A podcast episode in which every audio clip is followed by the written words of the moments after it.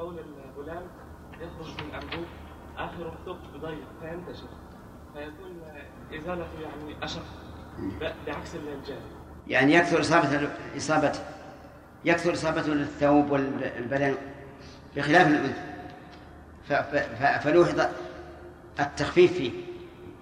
تمام؟ طيب.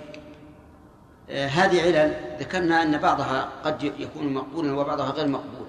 سامي نعم العلة الصحيحة المقبولة آه بعد كون هذا حكم الله ورسوله هي أن بول الغلام أخف نجاسة من بول الجريح وذلك لأن الغلام يتغذى باللبن واللبن ليس له كفل كسائر الطعام. فإن انضاف إلى هذا حرارة الغلام فإنه يجعل بوله أخف نجاسة من بول الجريح نعم. ويستدل على ذلك بأن رائحته أقل خبثا من رائحة بول الجريح نعم. يعني معناه أن بول الجارية أشد خبثا من بول الغلام. والشريعة الإسلامية يراد بإزالة النجاة منها هو إزالة المؤذي والأذى والقدر هذا أقرب شيء. نعم. امرأة أصاب ثوبها دم حيض يا إبراهيم. ماذا تصنع؟ أولا نعم. إذا كان يابسا. طيب. تحته إذا كان يابسا.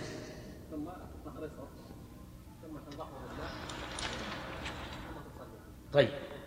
تقرصه بإيش؟ كيف تقرصه؟ آه، الدلك بأطراف الأصابع. ثم تنضحه يعني تغسله تغسله آه، لماذا آه، رتب النبي صلى الله عليه وعلى وسلم هذه المراتب؟ نعم. خالد.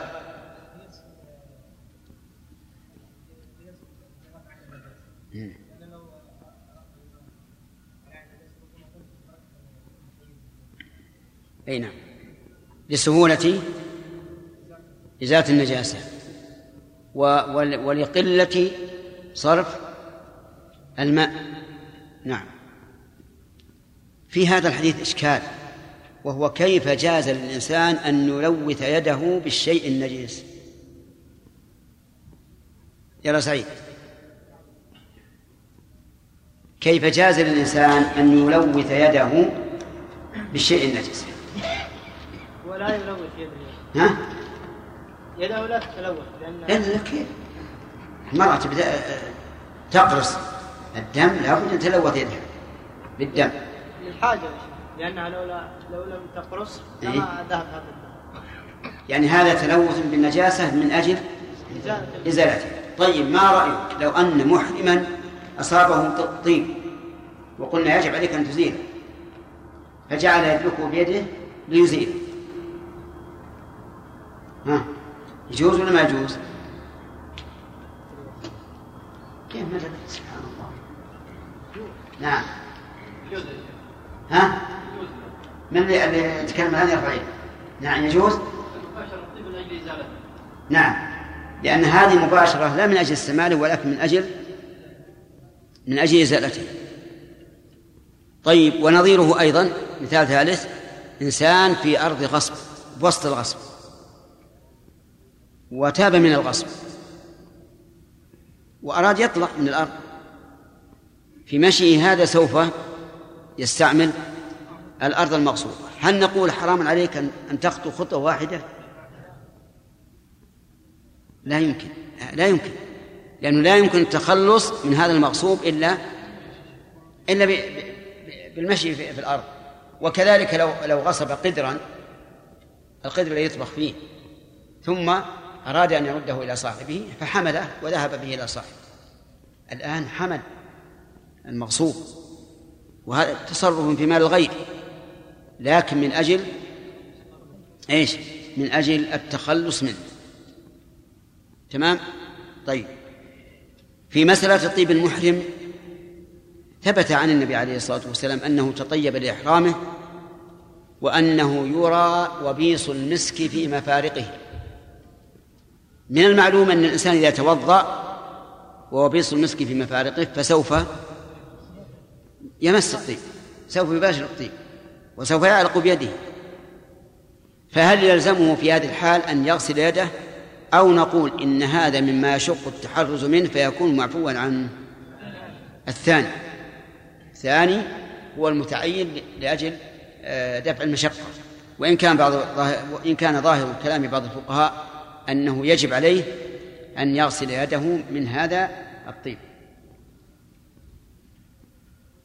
في في حديث أسماء ما يدل على أن دم الحيض لا يعفى عن يسيره يحيى. النبي صلى الله عليه وسلم أمره ما يكفي؟ هذا لأنه صلى الله عليه وسلم قال تقرصه بالماء والقرص مما يكون بأطراف الأصابع فيكون بالشيء القليل نعم. صحيح. هذا هذا وجهه. إذن الدم الحيض لا يعفى عن يسيره ولكن ماذا نقول في دم الاستحاضة؟ ماذا نقول في دم الاستحاضة جماعة؟ تفضل. صحيح أنه يلحق بالحيض. أنه يلحق الحيض طيب. لأنه خارج من سبيل.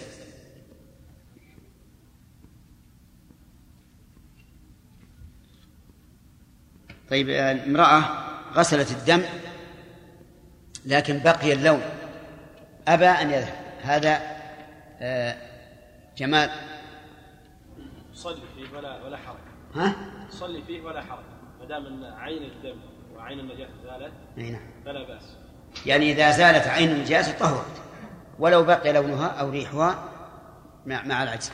وعلى هذا فلا يجب أن تستعمل يستعمل الصابون أو الإشنان أو التراب إلا أن إلا التراب في طهارة إيه؟ الكلب. نعم. نبدأ الآن درس جديد. قال المؤلف رحمه الله تعالى باب الوضوء. يقال الوضوء والوضوء بالضم. فالوضوء الماء الذي يتوضأ به والوضوء بالضم التوضؤ يعني الفعل. وله أمثلة. كطهور وطهور وسحور وسحور. ووجور ووجور. له أمثلة كثيرة في اللغة العربية على هذا المنوال. فما هو الوضوء؟ الوضوء مشتق في اللغة من الوضاءة. من الوضاءة وهو الحسن والجمال والنظافة من الأقدار والمؤذيات. وأما في الشرع فهو التعبد لله عز وجل بتطهير الأعضاء الأربعة على صفة مخصوصة عليه التعبد لله. انتبه. التعبد لله بتطهير الأعضاء الأربعة على صفة مخصوصة. الأربعة الأعضاء معروفة ولا لا؟ معروفة. ألف فيها للعهد؟ الذهن. طيب. وإنما قلنا التعبد لله لأن لأننا نريد أن نعرف عملا تعبديا. فلا بد أن نقول عبادة. كذلك في الصلاة هل نقول إنها أقوال وأفعال معلومة ولا نقول التعبد لله؟ التعبد لله. وهكذا تقول في الصلاة في الزكاة وهذا تقول في الصيام وفي الحج. والوضوء من أفضل الأعمال. ففيه آه، أنه إذا كان في أيام الشتاء والبرد مما يمحو الله به الخطايا ويرفع به الدرجات. كما في الحديث إسباغ الوضوء على المكاره وكثرة الخطاء إلى المساجد وانتظار الصلاة بعد الصلاة. ومنها أنه كلما تطهر الإنسان عضو من الأعضاء تطهر هذا العضو من النجاسة المعنوية وهي الآثام. فيخرج إثم كل عضو من هذه الأعضاء عند آخر قطرة من القطرات. ومنها أنه اقتداء وأسرة برسول الله صلى الله عليه وعلى آله وسلم. ومنها أنه امتثال لأمر الله. يا أيها الذين آمنوا إذا قمتم إلى الصلاة فاغسلوا وجوهكم وأيديكم. ومنها وهو خاص بهذه الأمة أنهم يدعون يوم القيامة غرا محجلين من أثر الوضوء. ومنها أن الحلية في الجنة نسأل الله يجعلنا وإياكم من أهلها الحلية تبلغ حيث يبلغ الوضوء. يحلون فيها من أساور من ذهب ولؤلؤ وحلوا أساور من فضة. فأساورهم يلا من فضلك أساورهم ثلاثة أنواع من ذهب والثاني لؤلؤ والثالث فضة. وهذه إذا اجتمعت يكون لها منظر يسر الناظرين. المهم أن له فوائد كثيرة ولذلك كان القول الراجح من أقوال العلماء أنه عبادة وأنه تجب له الطهارة خلافا لمن قال إنه تنظيف لا تجب نعم أخطأت أنه عبادة تجب فيه النية خلافا لمن قال إنه طهارة لا تجب النية فيه كإزالة النجاسة. ومعلوم أن إزالة النجاسة لا, لا يشترط فيها النية. فلو أن الإنسان نشر ثوبه النجس ونزل المطر وطهره صار طاهرا وإن لم ينم. لكن الوضوء لا يكون صحيحا إلا إلا بنية لأنه عبادة. الوضوء له سنن وله فرائض وواجبات. فمن سننه السواك. دليله حديث أبي هريرة رضي الله عنه عن النبي صلى الله عليه وعلى آله وسلم أنه قال لولا أن أشق على أمتي لأمرتهم بالسواك مع كل وضوء. لولا هذه حرف امتناع لوجود. وعندنا ثلاث أدوات. اقتسمت الامتناع والوجود. لما ولو ولا ولولا. لما حرف وجود لوجود.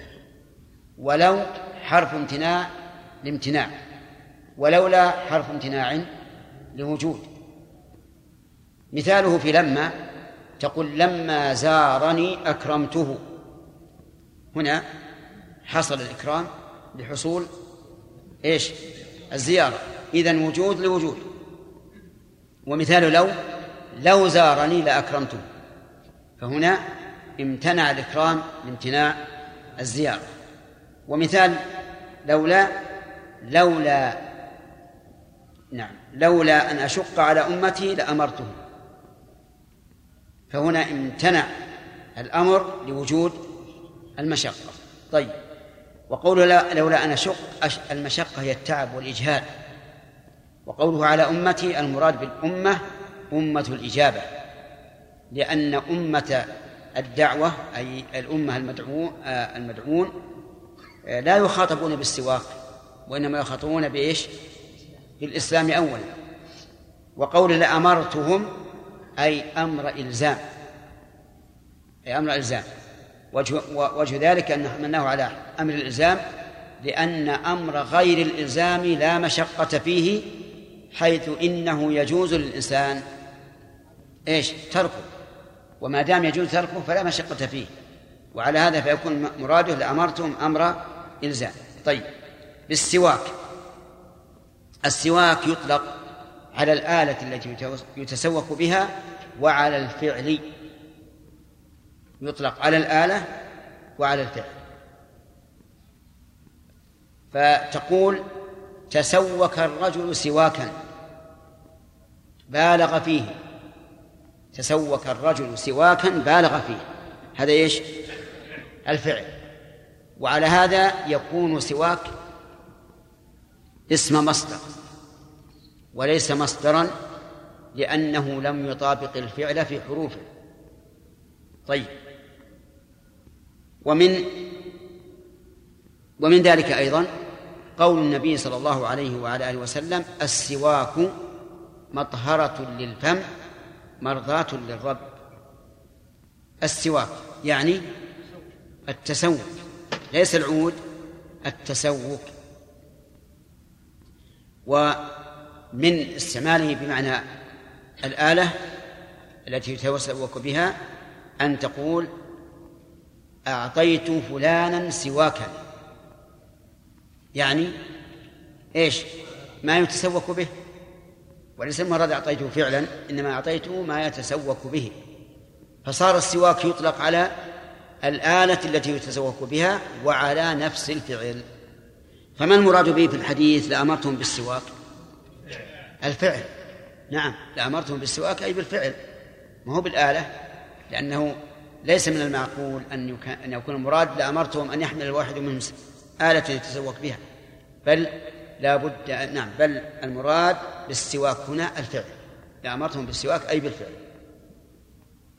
في هذا الحديث نعم قبل يقول رواه رواه مالك وأحمد والنسائي وصححه وصححه ابن خزيمة وذكره البخاري تعليقا.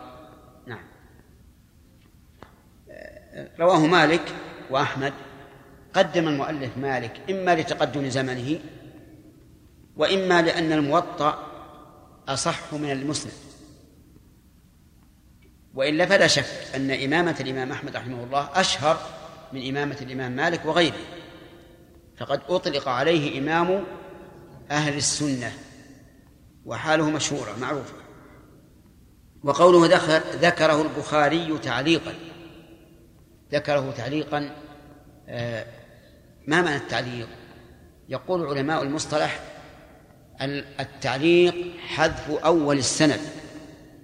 حذف أول السند. فمثلا إذا كان الراوي يعني مخرج الحديث رواه على هذا الترتيب. واحد اثنين ثلاثة أربعة إلى منتهى. فحذف رقم واحد. معلق ولا غير معلق؟ معلق. حذف واحد واثنين. حذف واحد واثنين وثلاثة. معلق. بل يطلق المعلق على حذف السند كله. نعم. حكم المعلق أنه ضعيف لعدم وجود السند. وإذا عدم السند صار مجهو صار الرواة مجهولين. ولا بد من العلم بالرواة وأنهم أهل للرواية. إلا أنهم قالوا إذا كان المخرج قد التزم بتعليق ما هو صحيح عنده بصيغة الجزم فيحكم بصحته مطلقا أو عند المعلق عند المعلق فقط. عند المعلق فقط. يعني قد يكون صحيحا عنده ولكنه ليس بصحيح عند غيره. الخلاصة. المعلق اصطلاحا ما حذف أول إسناده أو جميع الإسناد. المعلق في المرتبة ضعيف من قسم الضعيف.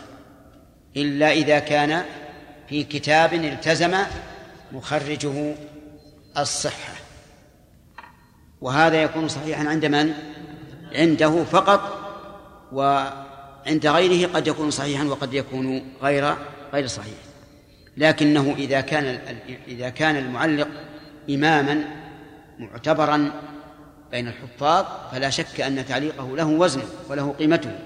ولهذا ذكر المؤلف قال ذكر البخاري تعليقا مع أنه يكفي أن يقول رواه مالك وأحمد والنسائي وصح ابن خزيمة. في هذا الحديث فوائد متعددة. منها شفقة النبي صلى الله عليه وعلى آله وسلم. وهذا أمر معلوم بالضرورة لأنه ثبت بالتواتر. لقوله تعالى لقد جاءكم رسول من أنفسكم عزيز عليه ما عنتم أي ما شق عليكم حريص عليكم بالمؤمنين رؤوف رحيم.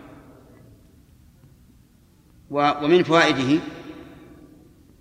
أن النبي صلى الله عليه وسلم له أن يجتهد في الأحكام في الأحكام. لقوله لولا أن أشق لأمرتهم. ولو لم يقل لولا أن الله لم يأمرني لأمرتهم بل قال لولا أن أشق فالمانع له من الأمر الملزم ليس عدم أمر الله ولكن المشقة. إذن للنبي صلى الله عليه وعلى آله وسلم أن يجتهد. ثم إن أقره الله عز وجل فالحكم شرعي بإقرار الله. نعم؟ وهذا هو الأصل. وإن لم يقره الله ارتفع الحكم. فعفو النبي عليه الصلاة والسلام عن المتخلفين لم يقره الله عليه بل قال عفى الله عنك لما أذنت لهم حتى يتبين لك لا. إيش؟ الذين صدقوا وتعلم الكاذبين. وقوله عفى الله عنك بدأ بالعفو عما حصل قبل أن يذكره. قال عفى الله عنك. وقال الله تبارك وتعالى يا أيها النبي لما تحرم ما أحل الله لك تبتغي مرضات أزواجك. إذن للنبي صلى الله عليه وسلم أن يجتهد في الأحكام ثم إن أقره الله فهو شرع من عند الله وإن لم يقره الله وهو نادر نادر نادر فإنه يرتفع الحكم. أخذ الفداء من أسرى بدر. لم يقره الله عز وجل. بل قال لولا كتاب من الله سبق في تتميم الرسالة واستمرارها لمسكم فيما أخذتم عذاب عظيم. طيب. وهذه المسألة طال فيها الجدل بين العلماء وعندي أنه ليس فيها والحمد لله إشكال وأنه واضح. إن الرسول يأمر وينهى سواء كان بوحي من الله أو بإقرار من الله. ومن فوائد هذا الحديث تأكد استعمال السواك. تأكد استعمال السواك. لأن النبي صلى الله عليه وسلم لم يمنعه من الإلزام به إلا المشقة. ومن فوائد هذا الحديث أن الأصل في الأمر الوجوب. لقوله لأمرتهم هكذا استدل بعض أهل العلم بذلك وقالوا إن هذا يدل على أن الأمر المطلق يكون للوجوب ولكن قد يناقش ويقال إن قوله لأمرتهم أي أمر إلزام أي أمر إلزام وإلا فمطلق الأمر ثابت لكن كون الأمر للوجوب أو للاستحباب أو للإرشاد والتوجيه لا يمكن فيما تتبعته أن ينضبط بضابط لأن بعض الأوامر تكون للوجوب بالاتفاق وبعض الأوامر تكون لغير الوجوب بالاتفاق وبعض الأوامر تكون محل نزاع. ولهذا اختلف فيها العلماء منهم من قال الأصل في الأمر الوجوب واستدل لقوله. ومنهم من قال الأصل في الأمر الاستحباب واستدل لقوله. ومنهم من قال ما كان مقصودا به التعبد فالأمر فيه للوجوب وما كان المقصود التأدب فالأمر فيه للاستحباب. وهذا أقربها من حيث العموم وإلا فقد يكون من الآداب وهو واجب. طيب فإن قال قائل أنا أريد أن أشق على نفسي. وأتسوق عند كل وضوء. فهل هذا هو الأفضل؟ أو الأفضل أن يقبل رخصة الرسول عليه الصلاة والسلام؟ نعم الذي يظهر لي الثاني الذي يظهر للثاني هو الثاني. وقد يقال إن كان فيه مشقة بينة فالأفضل اتباع الرخصة. وإن لم يكن فيه إلا أن تخرج المسواك من جيبك وتدلك أسنانك فافعل لأن هذا في الحقيقة ليس فيه مشقة. طيب وقوله عليه الصلاة والسلام بالسواك قلنا المراد بذلك إيش؟ التسوق. وبناء على هذا هل يحصل هل تحصل فضيلة السواك بغير العود أي بغير عود الأراك؟ في خلاف يا أخوان في خلاف. من العلماء من يقول لا يسن الكمال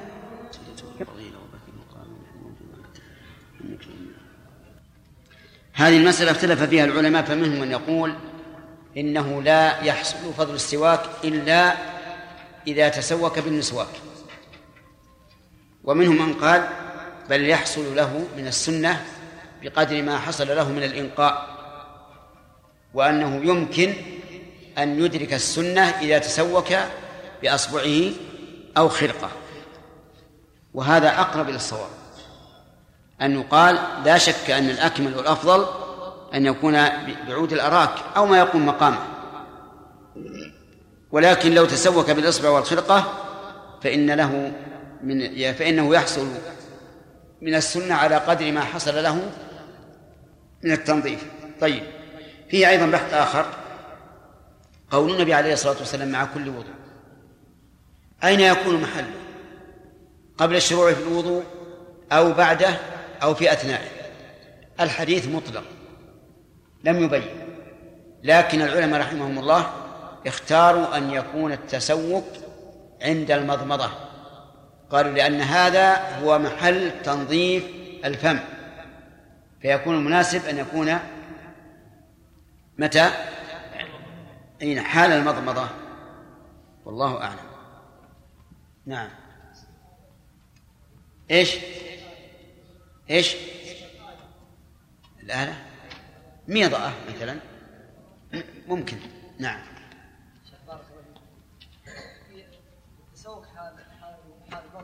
نعم. نعم. ربما يخرج بما وأيضا ما ينضبط هل الشيخ لو قدم الإنسان قليلا مثلا يسوق ثم تمضمض ثم تسوق ثم تمضمض ما في مانع ما في المهم إنه يكون في في حال غسل الوجه. قبل. يديه آه يعني قبل أن يبدأ الوضوء ما في مانع. لكن بس هو اذا تسوق مع الماء أنظف. حتى يعني أيضا ينبغي الإنسان في في في سواكه أن يغسله كلما كلما آه، تسوك به. لأن يعني بعض الناس يبقيه غير لا لا لا, لا يغسل. ثم إذا إذا تسوك به زادها زاد الأسنان تلوثا. إيش؟ الحكمة منه نعم مطهرة للفم.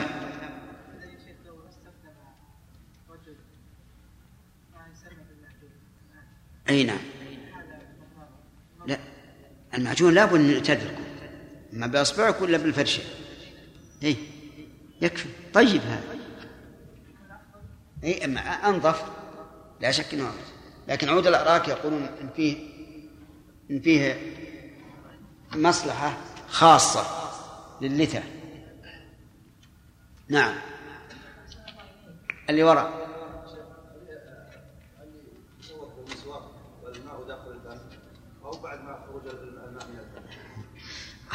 أسئلة دقيقة يا ناس. هذه ترجع لكم أنتم.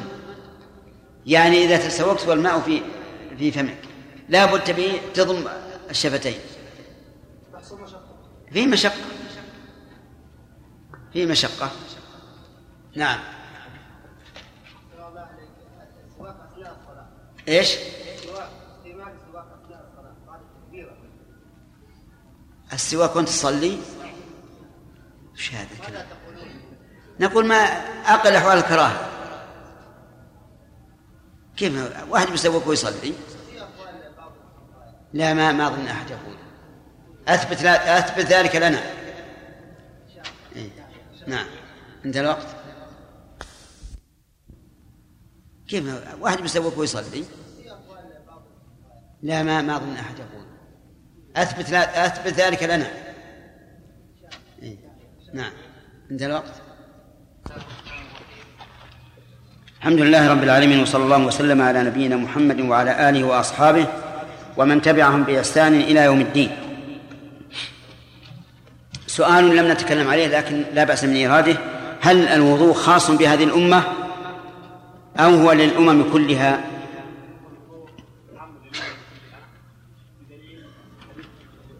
أنا ما سألتك عن الدليل. عام للأمم كلها وليس خاصا بهذه الأمة. طيب الدليل؟ الدليل. على العم... ترى خاص؟ نعم طيب. إذن قولان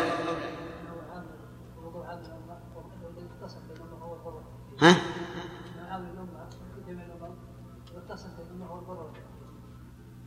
نعم. يعني هو عام للأمم. ما هو الشيء الخاص بهذه الأمة من من, من الوضوء؟ أنهم يدعون يوم القيامة غرا محجلين. تمام. وهذا هو ظاهر السنة لقوله عليه الصلاة والسلام أعطيت خمسا لم يعطهن أحد من الأنبياء قبلي وذكر منها التيمم عند عدم الماء.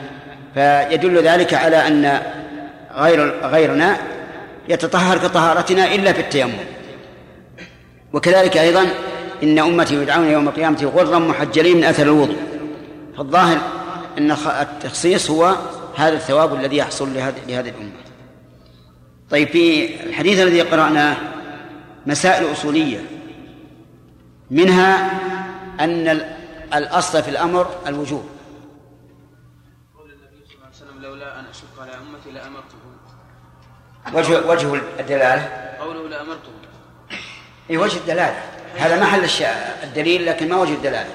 حيث أنه امتنع من أمرهم من إيجاب الوضوء آه، السواك عليهم مخافة الإجابة خافة أن يكون واجب عليهم الأمر. يعني ما اتضحت تماما. ما نضجت تماما. يفهم منه أنه لو أمرهم لشق عليهم ولا يكون مشقة إلا بالوجوب لأنهم لا يسعهم تركه. وجه الدلالة أنه لكان لازما يشق عليه. ولو كان ولو كان أمر الاستحباب ما شق عليهم. تمام. طيب. آه، ذكرنا أن هذا هو المشهور عند كثير من العلماء من علماء الأصول لكن هناك قول آخر يقول إن الأصل سام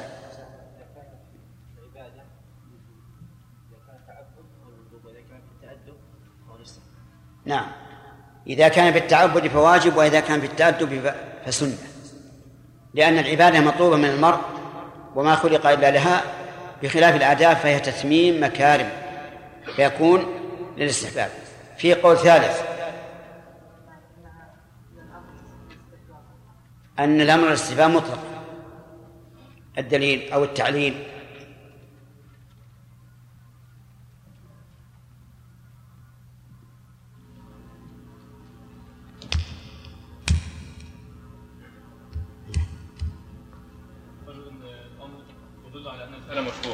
فاما ان يكون واجبا أو مستحبا والاصل عدم التاثيم بالترك فيكون مستحبا نعم.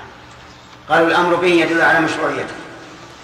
الأمر به يدل على مشروعي- مشروعيته والأصل والأصل عدم التأثيم بالترك وهذا هو حقيقة الاستحباب طيب آه، قول أمرتهم بالسواك هل المراد به الآلة التي يتسوق بها يا هارون أو الفعل؟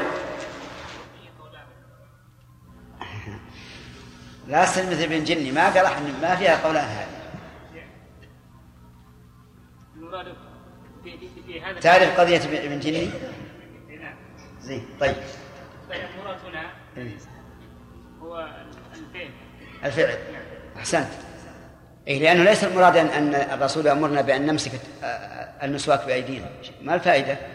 إذن المراد بذلك الفعل بالسواك أي بالتسوك عند كل وضوء أين محله على ما قال العلماء؟ عند الوضوء قبل ولا بعد ولا في أثنائه؟ عند المضمضة لأنها هي محل تطهير الفم. هذا يدل على أن من آه، ال- الأحوال التي يسن فيها السواك الوضوء. هل هناك شيء آخر؟ نعم. عند قراءة القرآن. لكن هذا ذكره العلماء أظنه استحسان.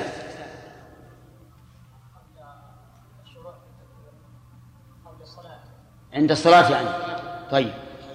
هذه ثلاثة. نعم. عند الاستيقاظ من النوم. أربعة. عند دخول البيت. خمسة. نعم. عند تغير رائحة الفم. ما هو الدليل على المسألة الأخيرة؟ نعم. قول النبي صلى الله عليه وسلم السواك مطهرة للفم مرضاة للرب. طيب. نعم. قرأنا. ذكرناها. إيش؟ ذكرناها. الحقيقة لا يعني قد يكون التفريط مني ولا لو- أبلغتكم لكان طيبا كيف؟ هذا تغير الفم. على كل حال بعض العلماء يقول عند طول عند طول السكوت. لأن الغالب أن طول السكوت يحصل فيه تغير رائحة الفم. لأنه لا يدخل الفم هواء ولا يخرج منه هواء فيكون آه، سببا لتغير رائحة الفم. لكن إذا قلنا عند تغير رائحة الفم كفى. طيب آه، نسأل هل يستثنى من ذلك وقت من الأوقات؟ آه، ذكر هذه ما شرحتها لكم. ذكر بعض أهل العلم أنه يكره التسوق للصائم بعد الزوال وعللوا بعلة عليلة.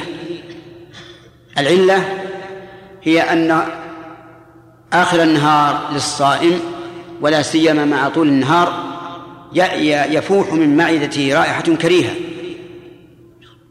وهذه الكريهة تسمى خلوف فم الصائم وهي محبوبة عند الله عز وجل.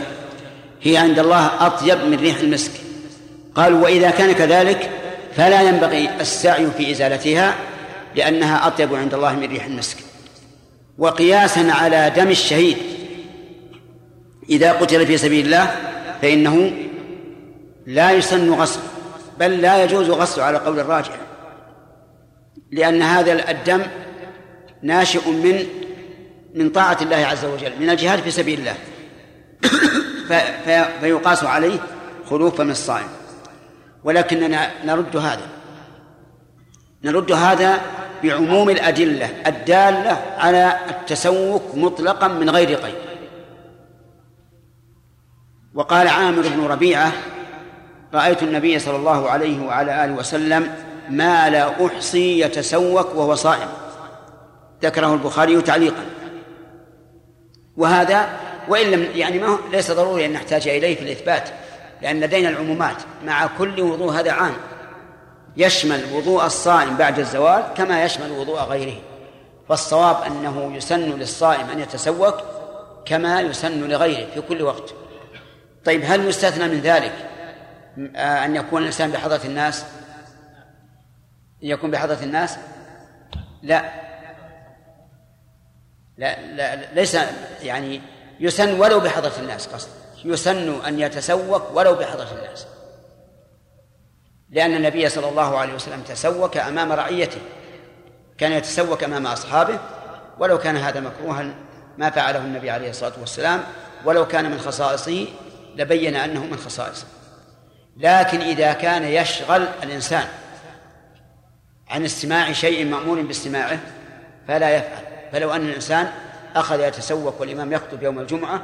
قلنا لا تسوق إلا إذا أراد به خيرا مثل أن يصيبه النعاس فيتسوق من أجل أن يذهب عنه النعاس. فهذا لا بأس به.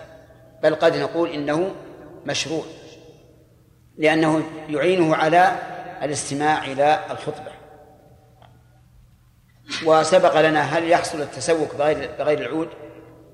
قلنا نعم. لكنه في لكنه في العود أحسن وأنظف ثم قال وعن حمران مولى عثمان آه ما عندي مولى عثمان. وعن حمران أن عثمان رضي الله عنه دعا بوضوء. عثمان هو أحد الخلفاء الراشدين وهو الثالث منهم.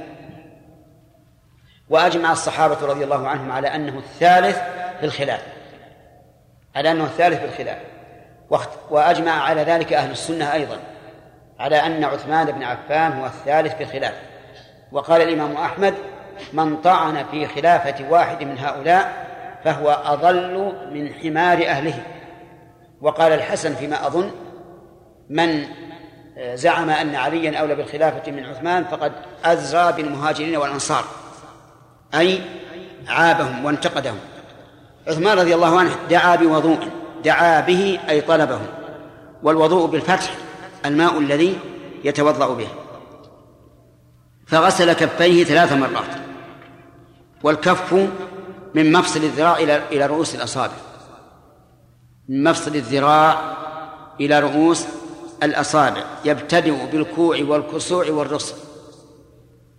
يبتدئ بالكوع والكسوع والرسل. ونختبر من لا يعرف كوعه من كرسوعه. أي نعم. العظم الذي يلي الإبهام ها؟ والكرسوع الذي يلي الخنصر والرسل نعم ما بينهما تمام. إلى أطراف الأصابع. غسل كفيه ثلاث مرات. وهذا الغسل تعبد لا شك لأن النبي صلى الله عليه وسلم تعبد لله به فهو عبادة. لكنه ليس هو ليس من الأعضاء التي يجب غسلها إلا بعد وضوء إلا بعد غسل الوجه. فيكون تقديم غسل الكفين هنا لأنها آلة غرف الماء فينبغي أن تكون نظيفة قبل أن يشرع في آه، غسل بقية الأعضاء. ثلاث مرات. ثم تمضمض. واستنشق واستنثر. وليس فيه ذكر التثليث لكنه قد ثبت فيه السنة. تمضمض المضمضة تحريك الماء داخل الفم. هذه المضمضة. يحركه داخل فمه واستنشق يعني استنشق الماء في منخريه. واستنثر يعني نثر الماء الذي استنشقه. وذلك أما المضمضة فلتطهير الفم وأما الاستنشاق فلتطهير الأنف. وليس في الحديث أنه أدخل أصبعه في أنفه وجعله ينظفه وإنما فيه الاستنشاق والاستنثار فقط. ثم غسل وجهه ثلاث مرات. والوجه معروف. ما تحصل به المواجهة. وحده العلماء رحمهم الله عرضا من الأذن إلى الأذن. وطولا من منابت شعر الرأس المعتاد. وبعضهم قال من منحنى الجبهة وهذا أضبط لأن لأن منابت الشعر تختلف. بعض الناس ينحسر عنه الشعر أي عن ناصيته فيكون أنزع. وبعضهم ينزل فيكون أغم. يعني إذا نزل الشعر. فإذا قلنا منحنى الجبهة صار هذا منضبطا سواء كان عليه شعر أم لم أم لم يكن. إلى أسفل اللحية إلى أسفل اللحية. وهل ما استرسل من اللحية يدخل في الوجه؟ في ذلك خلاف بين العلماء. فمنهم من قال إنه لا يدخل كما لم يدخل المسترسل الراس في الرأس. ومنهم من قال إنه يدخل لأنه ثبت عن النبي عليه الصلاة والسلام أنه كان يخلل يخلل لحيته وإن كان الحديث فيه ما فيه والوجه ما تحصل به المواجهة. وأما الرأس فلأن الرأس من الترأس وما نزل عن منابت شعر الرأس ليس ليس فيه ترأس. ثم غسل يده اليمنى إلى المرفق ثلاث مرات.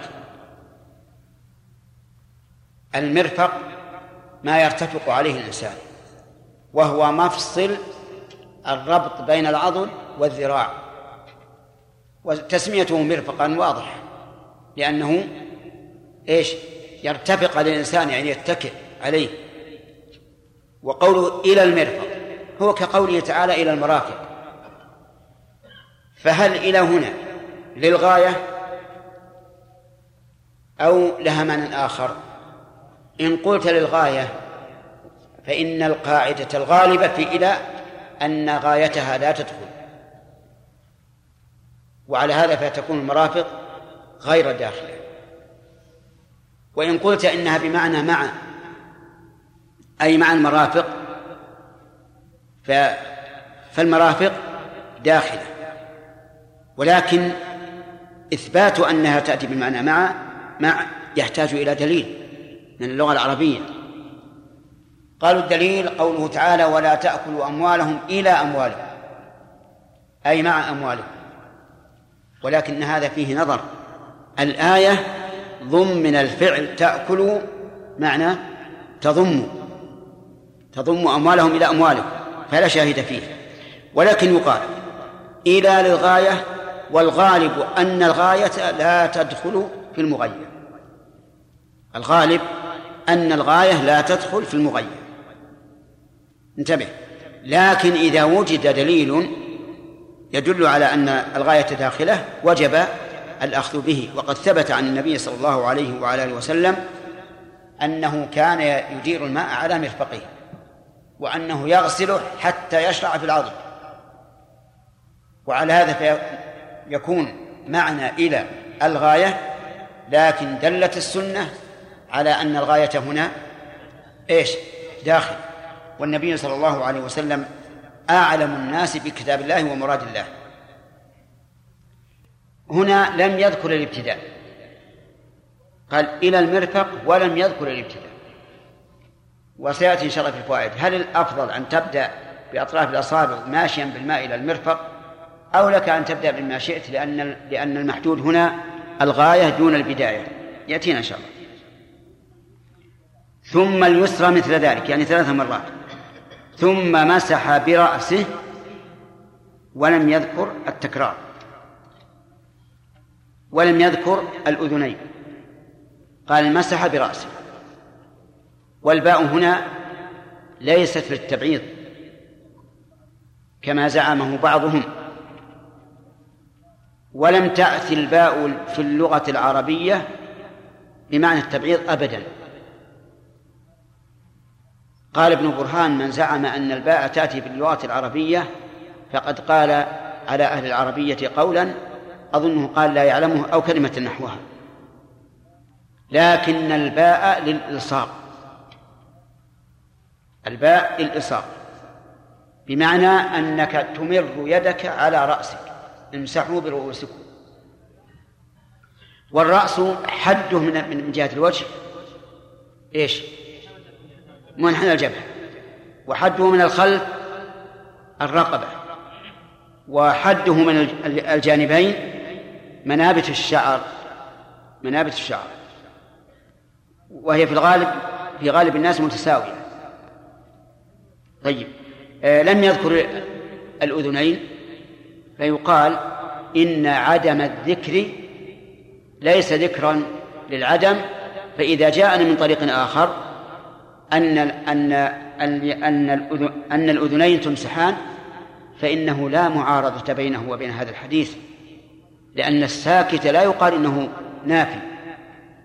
وهذا هو معنى قول العلماء آه إن عدم الذكر ليس ذكرا للعدم لأنك لو قلت إن عدم الذكر ذكر للعدم لكان هذا الحديث يعارض الأحاديث الدالة على إيش؟ على مسح الأذنين.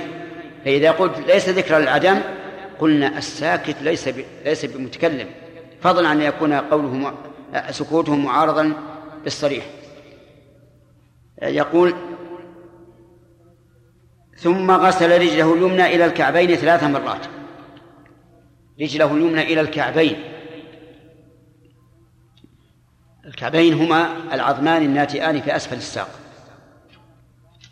وهما يربطان بين الساق وبين القدم. ويقال في قوله إلى الكعبين ما قيل في قوله إلى المرفقين. نعم. إلى الكعبين ثلاث مرات. ثم اليسرى مثل ذلك. ثم قال رأيت رسول الله صلى الله عليه وسلم توضأ نحو وضوئي هذا متفق عليه. رأيت أي بعيني. أي أبصرت. رأيت النبي صلى الله عليه وسلم توضأ مثل وضوء هذا. طيب قلنا إن رأيت بمعنى أبصرت لا بمعنى علمت. وعلى هذا فقوله توضأ الجملة حال حال من, من النبي وليست مفعولا ثانيا. لأن رأى البصرية لا تنصب إلا مفعولا واحدا. طيب رأيت النبي صلى الله عليه وسلم توضأ نحو وضوء هذا متفق عليه. وليس المؤلف جاء بباقي الحديث. لأن باقي الحديث من الناحية المسلكية مهم جدا جدا. باقي الحديث يا أخوان ثم قال من توضأ نحو وضوء هذا ثم صلى ركعتين لا يحدث فيهما نفسه غفر الله له ما تقدم من ذنبه. وهذه مهمة مهمة للإنسان. من أجل من أجل أن يتعبد لله بهذه الصلاة. لكن المؤلف رحمه الله حريص على الاختصار. لا يذكر إلا الشاهد. أحيانا يذكر الشاهد ولا يستفيد الإنسان منه شيئا. أحيانا يذكر الشاهد ولا يستفيد منه شيئا كما سيأتينا إن شاء الله في كتاب الصلاة. لكن هنا أقول لو أنه غفر الله له ذكر هذا لأفاد فائدة كبيرة. وهي أن الإنسان كلما توضأ صلى ركعتين يجتهد في ألا يوسوس فيهما ولا يحدث نفسه. إذا فعل ذلك غفر الله له ما تقدم من ذنبه. في هذا الحديث فوائد. منها تواضع الصحابة التواضع الجمع. وجهه أن هذا خليفة. خليفة على إيش؟ على الجزيرة العربية. نعم. على المسلمين عام. الشام ومصر والعراق واليمن والجزيرة. أمة عظيمة. هو خليفة عليهم ومع ذلك يدعو بالوضوء ليتوضأ أمام الناس حتى يدركوا ذلك بأعينهم. وهذا لا شك أنه تواضع جمع. ومن فوائدها أنه ينبغي للمعلم أن يسلك الوسائل التي تقرب المعنى إلى المتعلم. وجه ذلك؟ إيش؟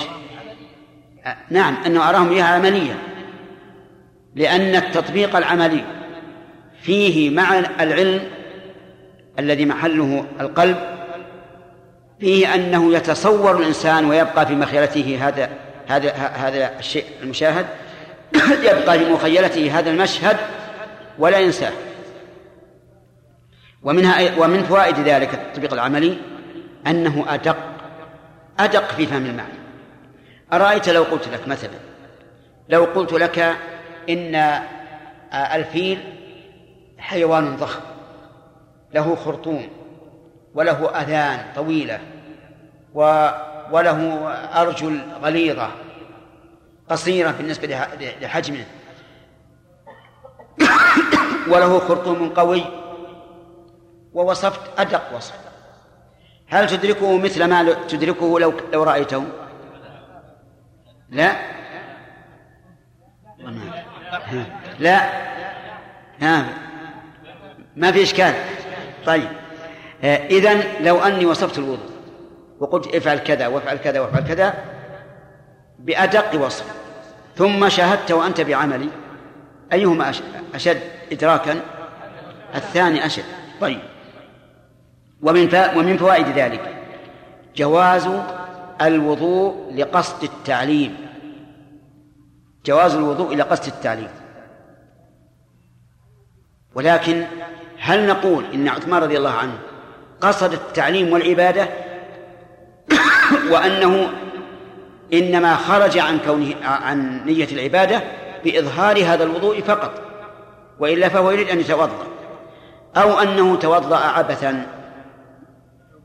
الظاهر الأول الظاهر الأول أنه قصد التعبد لكن قصد أن يكون أمام الناس من أجل أن يفهم. ينبني على هذا مسألة مهمة أشد من هذا. لو أن إنسان أراد أن يعلم الأطفال الصلاة وصلى صلاة تامة من أولها إلى آخرها بدون قصد النية لكن يعلمه فقط. فهل نقول هذا مشروع أو غير مشروع؟ نقول أما لو قطعه وجزأه وقال وقال للصبي ارفع يديك قل هكذا ثم قل سبحانك اللهم وبحمدك ثم اقرأ الفاتحة ثم إذا قرأت الفاتحة اقرأ سورة هو يكلمه كلام ثم اركع وقل هكذا. فهذا لا بأس فيه ولا أشكال فيه. لكن أن يجعلها صلاة عبادة نقول الأفضل أن يجعلها عبادة تعبد ليستفيد ويفيد. يتفرع عن ذلك أيضا شيء آخر. بعض الناس في مشاهد التمثيليات يجعلون إنسانا يصلي على أنها تمثيلية وهذا حرام عليه لا يجوز أن تمثل العبادات تمثيل آه، مشاهدة للمرح وما أشبه ذلك. بل يجب الكف عن هذا. وكذلك بعضهم يجيب قرآن وما أشبه ذلك كل هذا لا يجوز. في مثل هذه الأشياء التي إنما هي للمرح والترويح عن النفس دون قصد التعليم. طيب من فوائد هذا الحديث أنه يشرع غسل الكفين ثلاث مرات قبل الوضوء. دليله؟ أن عثمان فعل ذلك وقال رأيت النبي صلى الله عليه وسلم توضأ نحو وضوء هذا. وهل هذا الغسل واجب؟ لا ليس بواجب بل هو سنة. والدليل على أنه ليس بواجب قول الله تبارك وتعالى يا أيها الذين آمنوا إذا قمتم إلى الصلاة فاغسلوا وجوهكم. اغسلوا وجوهكم ولم يذكر أمشوا معي. لم يذكر غسل الكفين. فدل هذا على أن غسل الكفين قبل غسل الوجه ليس بواجب وإنما هو سنة. ومن فوائد هذا الحديث أنه لا يشترط الوضوء مقارنة الاستنجاء. لا لا يشترط الوضوء مقارنة الاستنجاء. أفاهمين؟ طيب. خلافا للعامة. العامة يظنون أنه لا يمكن أن يتوضأ إلا باستنجاء. حتى لو كان مستنجيا قبل ربع ساعة لا بد يعيد الاستنجاء وهذا غلط.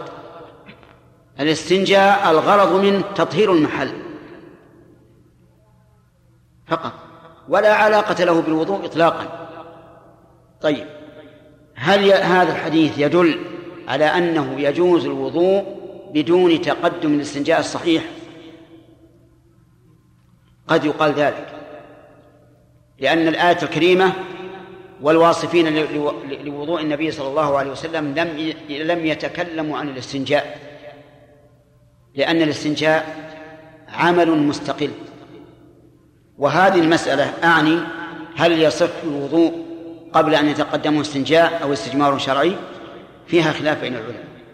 منهم من قال لا يصح الوضوء قبل الاستنجاء. فلو أن الإنسان لم يست... لم يستجمر استجمارا شرعيا وإنما استجمر حتى يبس المحل وأنقى المحل بدون أن يعتبر ذلك بثلاث مسحات ثم توضأ. فمن قال إنه لا يصح الوضوء قبل الاستجمار أو الشرع أو الاستنجاء قال وضوءه غير صحيح. وإذا كان قد صلى فصلاته غير صحيحة وإذا قلنا إنه يصح وأنه لا علاقة للاستنجاء بالوضوء وهذا هو القول الراجح.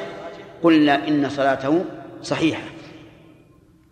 ومن فوائد هذا الحديث تقديم المضمضة والاستنشاق على غسل الوجه. تقديم المضمضة والاستنشاق على غسل الوجه. وهل هذا واجب؟ الجواب لا. لو غسل وجهه أولا ثم استنش... ثم تمضمض واستنشق واستنثر فلا بأس. لكن الأفضل أن يبدأ بالمضمضة والاستنشاق.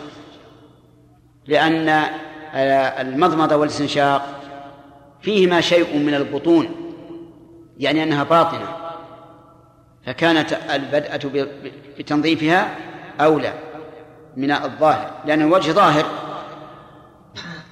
ومن فوائد هذا الحديث مشروعية الاستنثار. فهل الاستنثار واجب؟ الجواب لا. الاستنشاق هو الواجب والاستنثار سنة. كما أن المضمضة واجبة ولفظ الماء سنة وليس بواجب. الله أكبر.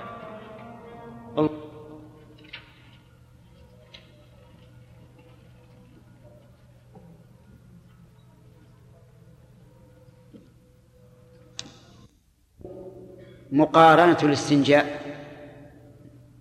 لا لا يشترط الوضوء مقارنة الاستنجاء.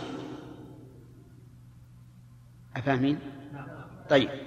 خلافا للعامة العامة يظنون أنه لا يمكن أن يتوضأ إلا باستنجاء. حتى لو كان مستنجيا قبل ربع ساعة لا بد يعيد الاستنجاء. وهذا غلط. الاستنجاء الغرض منه تطهير المحل. فقط. ولا علاقة له بالوضوء إطلاقا. طيب. هل هذا الحديث يدل على أنه يجوز الوضوء بدون تقدم الاستنجاء الصحيح؟ قد يقال ذلك. لأن الآية الكريمة والواصفين لوضوء النبي صلى الله عليه وسلم لم لم يتكلموا عن الاستنجاء. لأن الاستنجاء عمل مستقل. وهذه المسألة أعني هل يصح الوضوء قبل أن يتقدمه استنجاء أو استجمار شرعي؟ فيها خلاف بين العلماء. منهم من قال لا يصح الوضوء قبل الاستنجاء. فلو أن الإنسان لم يست... لم يستجمر استجمارا شرعيا وإنما استجمر حتى يبس المحل وأنقى المحل بدون أن يعتبر ذلك بثلاث مسحات ثم توضأ فمن قال إنه لا يصح الوضوء قبل الاستجمار أو الشرع والاستنجاء قال وضوءه غير صحيح. وإذا كان قد صلى فصلاته غير صحيح. وإذا قلنا إنه يصح وأنه لا علاقة للاستنجاء بالوضوء وهذا هو القول الراجح قلنا إن صلاته صحيحة. ومن فوائد هذا الحديث تقديم المضمضة والاستنشاق على غسل الوجه. تقديم المضمضة والاستنشاق على غسل الوجه. وهل هذا واجب؟ الجواب لا. لو غسل وجهه أولا ثم استنش... ثم تمضمض واستنشق واستنثر فلا بأس. لكن الأفضل أن يبدأ بالمضمضة والاستنشاق. لأن المضمضة والاستنشاق فيهما شيء من البطون يعني أنها باطنة. فكانت البدءة بتنظيفها أولى من الظاهر لأن الوجه ظاهر. ومن فوائد هذا الحديث مشروعية الاستنثار. فهل الاستنثار واجب؟ الجواب لا. الاستنشاق هو الواجب والاستنثار سنة. كما أن المضمضة واجبة ولفظ الماء سنة وليس بواجب. الله أكبر.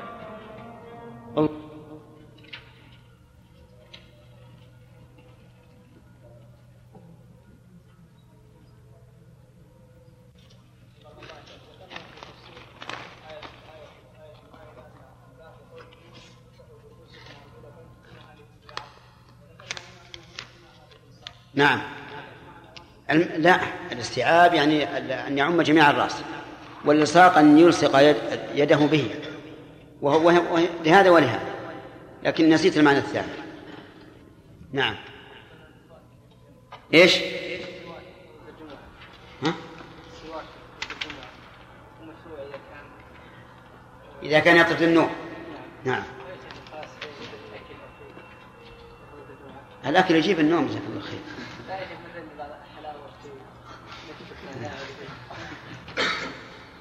والله ماذا ماذا تقولون؟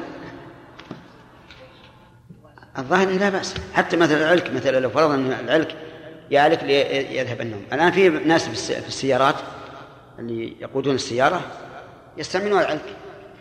أما الفسفس فلا نوافق عليه. وإن كان يستعمل لطرد النوم لكن لا نوافق عليه. نعم محجوب.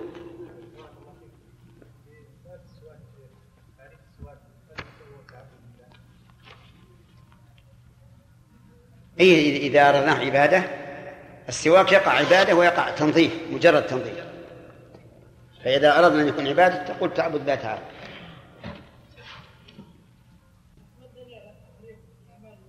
إيش؟ دليل على التفريق في أعضاء الوضوء لأن بعضها واجب وبعضها مستحب. أي. ما ذكر في القرآن هو الواجب. وما عدا ذلك فهو سنة. نعم. لأن الرسول توضأ مرة مرة. فما دام توضأ مرة مرة علمنا أن الرسول أن أفعال الرسول ليست ليست على سبيل الوجوب نعم. وتوضأ مرة وثبت عنه أنه توضأ مرة مرة. واجب بلى. نعم. واجبة لأنها من غسل الرأس من غسل الوجه.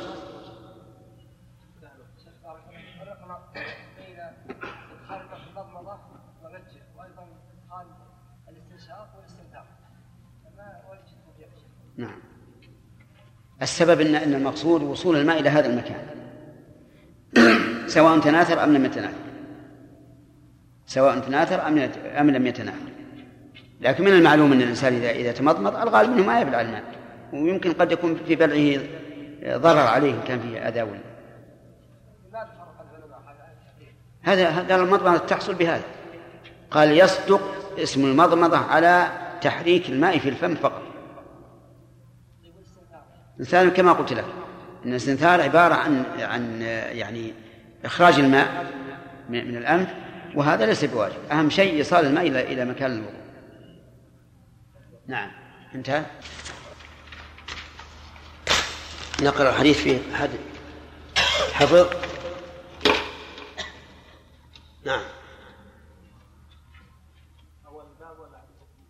اللي وقفنا عليه. هو كملنا ما كملنا الباب. كملنا الباب؟ إيه اقرأ وقفنا عليه.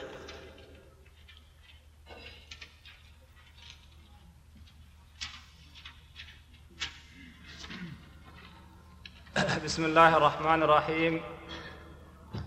قال المصنف رحمه الله تعالى فيما نقله عن علي رضي الله عنه. وعن علي رضي الله عنه في صفة وضوء النبي صلى الله عليه وسلم قال ومسح برأسه واحدة أخرجه أبو داود وأخرجه الترمذي والنسائي بإسناد صحيح بل قال الترمذي إنه أصح شيء في الباب. وعن عبد الله بن زيد بن عاصم رضي الله عنهما في صفة في صفة الوضوء قال ومسح رسول الله صلى الله عليه وسلم برأسه فأقبل بيديه وأدبر متفق عليه. وفي لفظ لهما بدأ بمقدم رأسه حتى ذهب بهما إلى قفاه ثم ردهما إلى المكان الذي بدأ منه. وعن عبد الله بن عمرو وعن عبد الله بن عمرو رضي الله عنهما في صفة الوضوء قال ثم مسح برأسه وأدخل إصبعيه إصبعيه السباحتين في أذنيه ومسح بإبهاميه ظاهر أذنيه. أخرجه أبو داود والنسائي وصححه ابن خزيمة. نعم نعم. الحمد لله وصلى الله وسلم على نبينا محمد وعلى آله وأصحابه ومن تبعهم بإحسان إلى يوم الدين. سبق لنا في حديث حمران مولى عثمان بن عفان رضي الله عنه أن عثمان دعا بوضوء وذكر الحديث. وهذا أجمع حديث في باب الوضوء. ولهذا جعله المؤلف رحمه الله عمدة.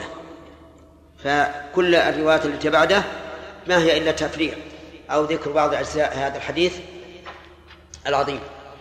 قال وعن علي رضي الله عنه في صفة وضوء النبي صلى الله عليه وسلم قال ومسح برأسه واحدة أخرجه أبو داود وأخرجه الترمذي والنسائي بإسناد صحيح بل قال الترمذي إنه أصح شيء في الباب.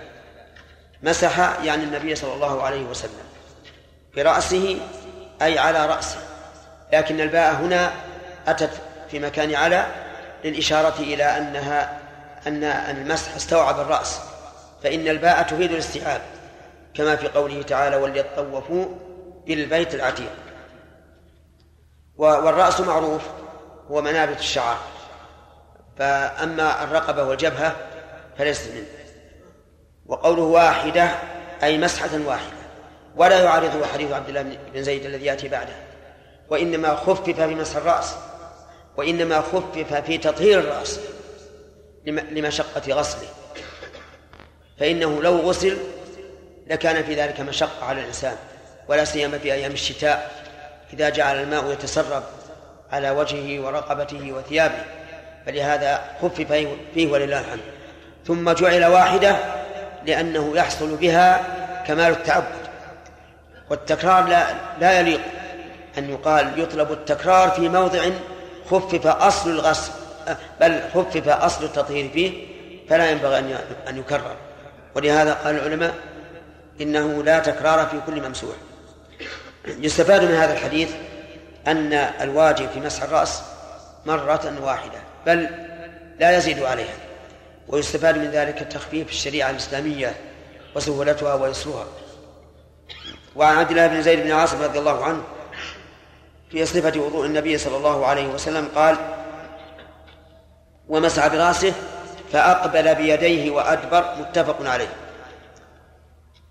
معنى فأقبل بيديه وأدبر أنه مسح باليدين جميعا ولم يمسح بيد واحدة بل باليدين جميعا أقبل وأدبر أي بدأ بما بما هو مستقبل بدنه وهو الناصية وأدبر من الخلف. ولذلك فسره بقوله في اللفظ الآخر بدأ بمقدم رأسه حتى ذهب بهما إلى قفاه ثم ردهما إلى المكان الذي بدأ منه.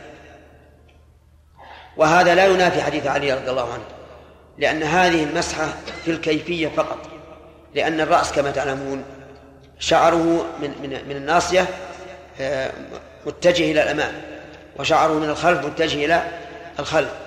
فإذا مسحه من عند الناصية استقبل بطون الشعر ويستقبل بالنسبة للخلف ظهور الشعر. ثم إذا عاد استقبل بطون الشعر من الخلف وظهور الشعر من جهة الناصية. هذا هو الحكمة في أنه يبدأ بالمقدم إلى أن ينتهي إلى المؤخر ثم يعود. وفي الحديث من الفوائد ما سبقت الإشارة إليه وهو أنه لا بد من المسح. لا بد من المسح. فلو غسله بدلا عن مسح فهل يجزئ؟ قال بعض العلماء إنه يجزئ لأنه انتقال من الأخف إلى الأعلى. والصحيح أنه لا يجزي لأنه خلاف ما أمر الله به. وقد قال النبي صلى الله عليه وسلم من عمل عملا ليس عليه أمرنا فهو رد. ولهذا كان هناك قول ثالث في المسألة وهو أنه يجزئ الغسل إن أمر يده على رأسه. لأنه إذا أمر يده على رأسه صار إيش؟ صار ماسحا. صار ماسحا لكنه زاد في ماء المسح. وهذا القول له حظ من النظر. له حظ من النظر. لكن لو أراد الإنسان التعمق والتنطع فربما يقال إنه لا يصح. حتى وإن مسح يده بعد غسله. لقول النبي صلى الله عليه وسلم هلك المتنطعون. قالها ثلاثة ولإنكاره على الذين واصلوا متشددين في صيامهم. فيمكن أن يقال حتى وإن مسح على على رأسه مع الغسل فإنه لا يجزي لأنه من باب التنطع والتنطع هلاك. قال وعن أبي هريرة رضي الله عنه. نعم. وعن عبد الله بن عمرو رضي الله عنهما في صفة الوضوء. قال ثم مسح برأسه وأدخل إصبعيه السباحتين في أذنيه ومسح بإبهاميه ظاهر أذنيه. هذا في صفة المسح مسح الأذنين. هل يمسح الأذنان؟ الجواب نعم يمسح الأذنان مع الرأس لأنهما منه و ولكن كيفية ذلك؟ أن يدخل السباحتين في الأذنين والسباحتان هما آه، السبابتان. والسبابتان هما ما بين الإبهام والوسطى. سميتا بذلك لأن الإنسان يشير بهما عند التسبيح وعند السب والشتم. وقوله في أذنين يعني في ثقب الأذنين.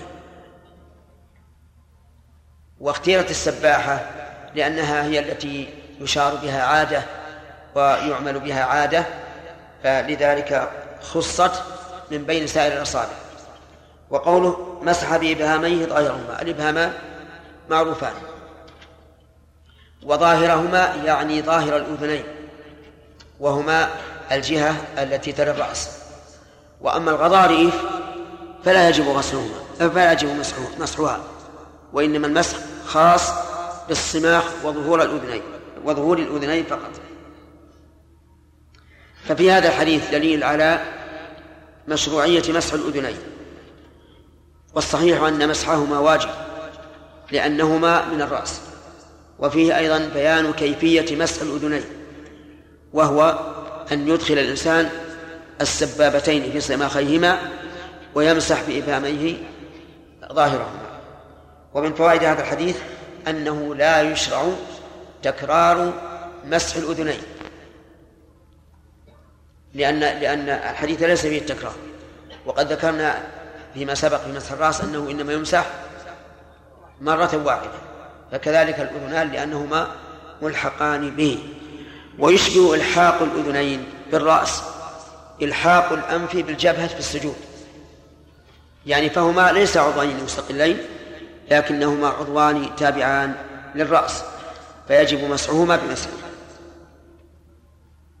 وعن أبي هريرة رضي الله عنه قال قال رسول الله صلى الله عليه وسلم إذا استيقظ أحدكم من نومه فليستنثر ثلاثا فإن الشيطان يبيت على خيشومه. إذا استيقظ من نومه استيقظ أي صح بعد النوم. وقوله من نومه لم يقيد بنوم الليل ولا بنوم النهار ولكن قوله فإن الشيطان يبيت يفيد أن المراد بالنوم هنا إيش؟ نوم الليل. وسيأتي الكلام عليه في الفوائد إن شاء الله. وقوله فليستنثر ثلاثا. الاستنثار هو إخراج الماء من الأنف بعد استنشاقه. يعني أن تستنشق الماء أولا ثم تستنثره. وقول ثلاثا أي ثلاث مرات. ولم يبين هل هو في هل لكل استنثارة غرفة أو أنه يستنثر واحدة بغرفة واحدة؟ والجواب أن هذا مما يتسامح فيه إن شاء بغرفة واحدة وإن شاء بثلاث غرفات. وقول فإن الشيطان يبيت على خيشومه ال هنا للجنس وليست للعهد ولا للذكر؟ نعم وليست للعهد. و فلا يخص شيطانا معينا. بل المراد جنس الشياطين. الله أكبر. نعم.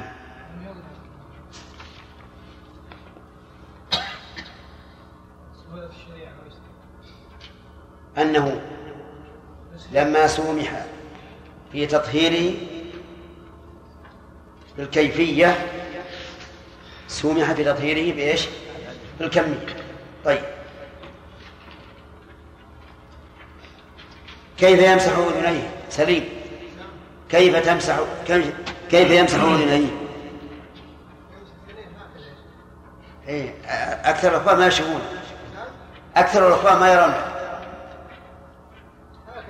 لا ما بيكتبون لكن كيف؟ صف لنا بالقول.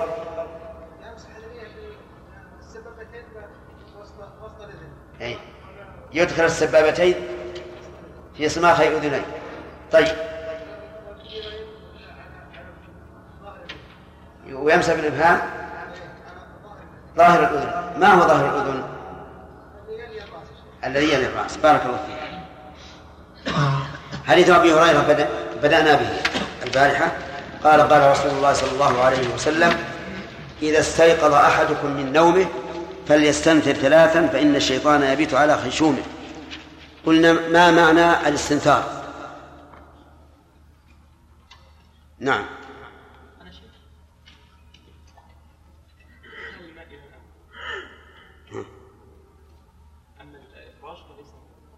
نعم. هذا الاستنثار. هذا الاستنثار. كيف؟ هذا عكس الاستنثار. يعني استنشاق الماء ثم استخراجه. كذا؟ طيب.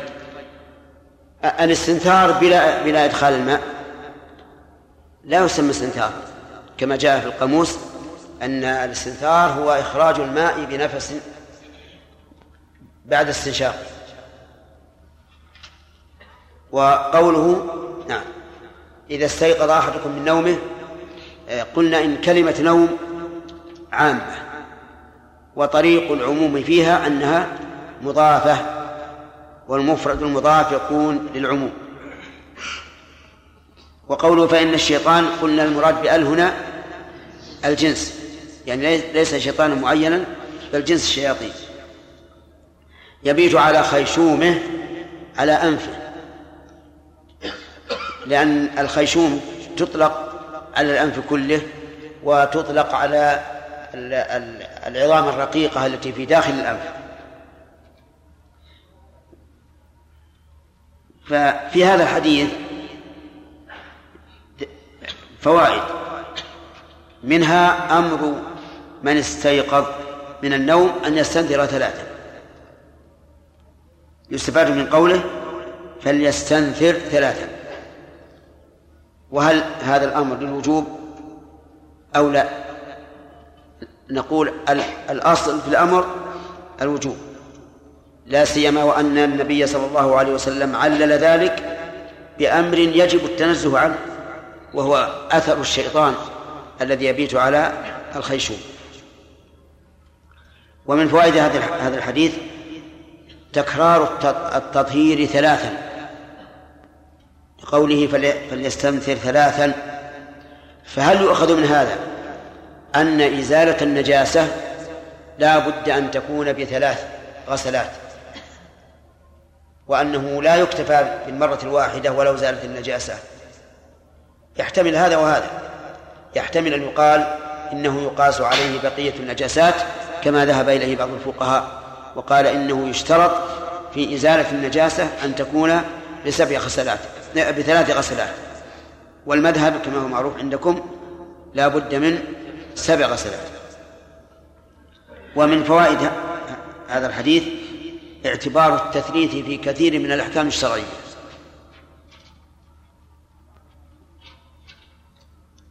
كما في هذا الحديث ونظائره. ومن فوائد هذا الحديث حسن تعليم النبي صلى الله عليه وسلم حيث قرن الحكم بعلته. وقرن الحكم بالعلة له فوائد. منها العموم. إذا كانت هذه العلة موجودة في غير ما نص عليه. ومنها تنشيط الإنسان على العمل أو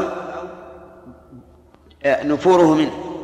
فإن كان في خير فإنه ينشط وإن كان في غيره فإنه يهرب ولا ينشط.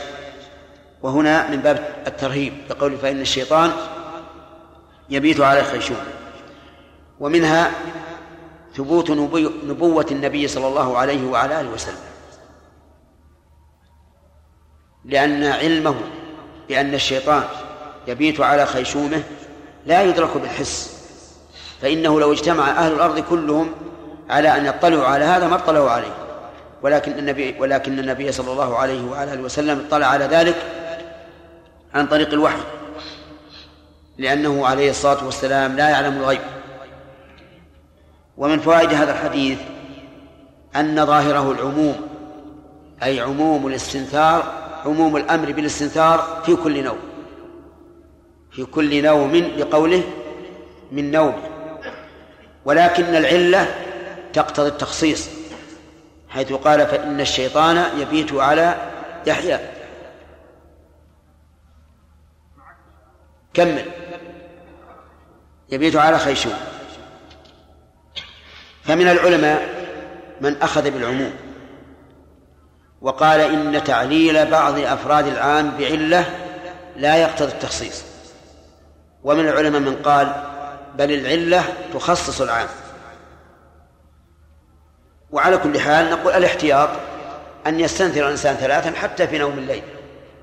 لأن اللفظ أن حتى في نوم النهار حتى في نوم النهار لأن اللفظ يحتمله وعود العلة على بعض أفراده لا يقتضي التخصيص. كما أن عود الحكم على بعض الأفراد لا يقتضي التخصيص. ونضرب لهذا مثلا. حديث جابر قضى النبي صلى الله عليه وسلم بالشفعة في كل ما لم يقسم فإذا وقعت الحدود وصرفت الطرق فلا شفعة. إذا أخذنا إلى أول الحديث إذا أخذنا إذا نظرنا إلى أول الحديث قضى النبي صلى الله عليه وسلم بالشفعة في كل ما لم يقسم قلنا إن الشفعة ثابتة لكل شريك باع شريكه نصيبه المشترك سواء كان من الأراضي أو من السيارات أو من المعدات أو غيرها لعموم قوله في كل ما لم يقسم حتى في الثياب مثلا. وإذا نظرنا إلى قوله فإذا وقعت الحدود وصرفت الطرق قلنا إن هذا يقتضي أن يكون المراد بالعموم في قوله في كل ما لم يقسم ما هي؟ الأراضي. الأراضي فقط. لأنها هي التي يقع فيها الحدود و ويصرف فيها الطرق. ولهذا اختلف العلماء رحمهم الله. هل الشفعة واجبة في كل شيء أو في الأرض فقط؟ أو في الأرض التي تجب قسمتها أو تجوز؟ حسب الخلاف المعروف عند العلماء. ومن ذلك قوله تعالى والمطلقات يتربصن بأنفسهن ثلاثة قروء ولا يحل لهن أن يكتمن ما خلق الله في أرحامهن إن كن يؤمنن بالله واليوم الآخر. وهذه عامة. المطلقات. تشمل من لزوجها الرجعة عليها ومن لا رجعة له عليها. لكن قوله وبعولتهن أحق بردهن في ذلك تقتضي أن يكون المراد بالمطلقات هنا الرجعيات. والعلماء جمهورهم على الأول أن جميع المطلقات يلزمهن أن يتربصن ثلاثة قرون ولم يلتفتوا إلى تخصيص الحكم ببعض الأفراد. ولا شك أن الاحتياط الأخذ بالعموم سواء في هذا أو في هذا. نعم. وعنه يعني عن أبي هريرة أن النبي صلى الله عليه وعلى آله وسلم قال إذا استيقظ أحدكم من نومه فلا يغمس يده في الإناء الجملة الأولى مطابقة تماما للجملة الأولى في الحديث الذي سبق. لكن ما بعده يخالف. فإن الحديث الأول فيه الأمر والحديث الثاني فيه النهي. فلا يغمس يده في الإناء حتى يغسلها ثلاثا. حتى يغسلها بعد النوم. ثلاثا أي ثلاث مرات. فإنه لا يدري أين باتت يده. فإنه أي المستيقظ لا يدري أين باتت يده. وقول لا يدري أي لا يعلم. أين باتت يده؟ من المعلوم أن النبي عليه الصلاة والسلام لا يريد لا يعلم أباتت معه في الفراش أم باتت في مكان منفصل. لا يريد هذا إطلاقا. لكن لا يعلم أين باتت يده من حيث التصرف. والعمل قد تكون تحركت إلى أماكن قذرة أو ما أشبه ذلك. هذا قول بعض العلماء. ولذلك سيأتي أنهم يقولون إنه إذا باتت اليد في جراب أو نحوه مما يتيقن الإنسان أنه أنها لم تصب شيئا نجسا فإنه لا يدخل في هذا الحديث. وقيل لا يدري أين باتت يده من الناحية الغيبية وهو أنه ربما يكون الشيطان قد عبث بيده في منامه كما أنه يبيت على خيشوم فربما يكون يبيت على يده ويلوثها بأقدار وأنجاس تؤثر على الإنسان. وهذا الأخير هو الأقرب. على هذا يستفاد من هذا من هذا الحديث فوائد منها أن الإنسان إذا استيقظ من من من النوم فإنه لا يجوز أن يغمس يده في الإناء حتى يغسلها ثلاثة. للنهي. والأصل في النهي التحريم. ومنها أنه يجوز أن يغسل أن يغمس بعضه. لقوله فلا يغمس يده. والأصل فيما أضيف إلى اليد أن يكون عاما لها. واليد إذا أطلقت فإنها إلى الكف. وإذا قيدت إلى المرفق تقيدت به لكن عند الإطلاق تكون إلى الكف. ويحتمل أن يقال نرجع إلى القاعدة العامة أن المنهي عنه يتناول النهي فيه جزءه وكله. وأن غمس بعض اليد كغمس اليد كلها. وهذا هو الأصح. لأن الأصل في المنهي عنه أن يعم جميع المنهي عنه. الأصل في النهي أن يعم جميع المنهي عنه. لقول النبي صلى الله عليه وسلم ما نهيتكم عنه فاجتنبوه وما أمرتكم به فاتوا منه ما استطعتم. فيكون النهي شاملا لغمس اليد كاملة أو غمس جزء منها. ومن فوائد هذا الحديث أنه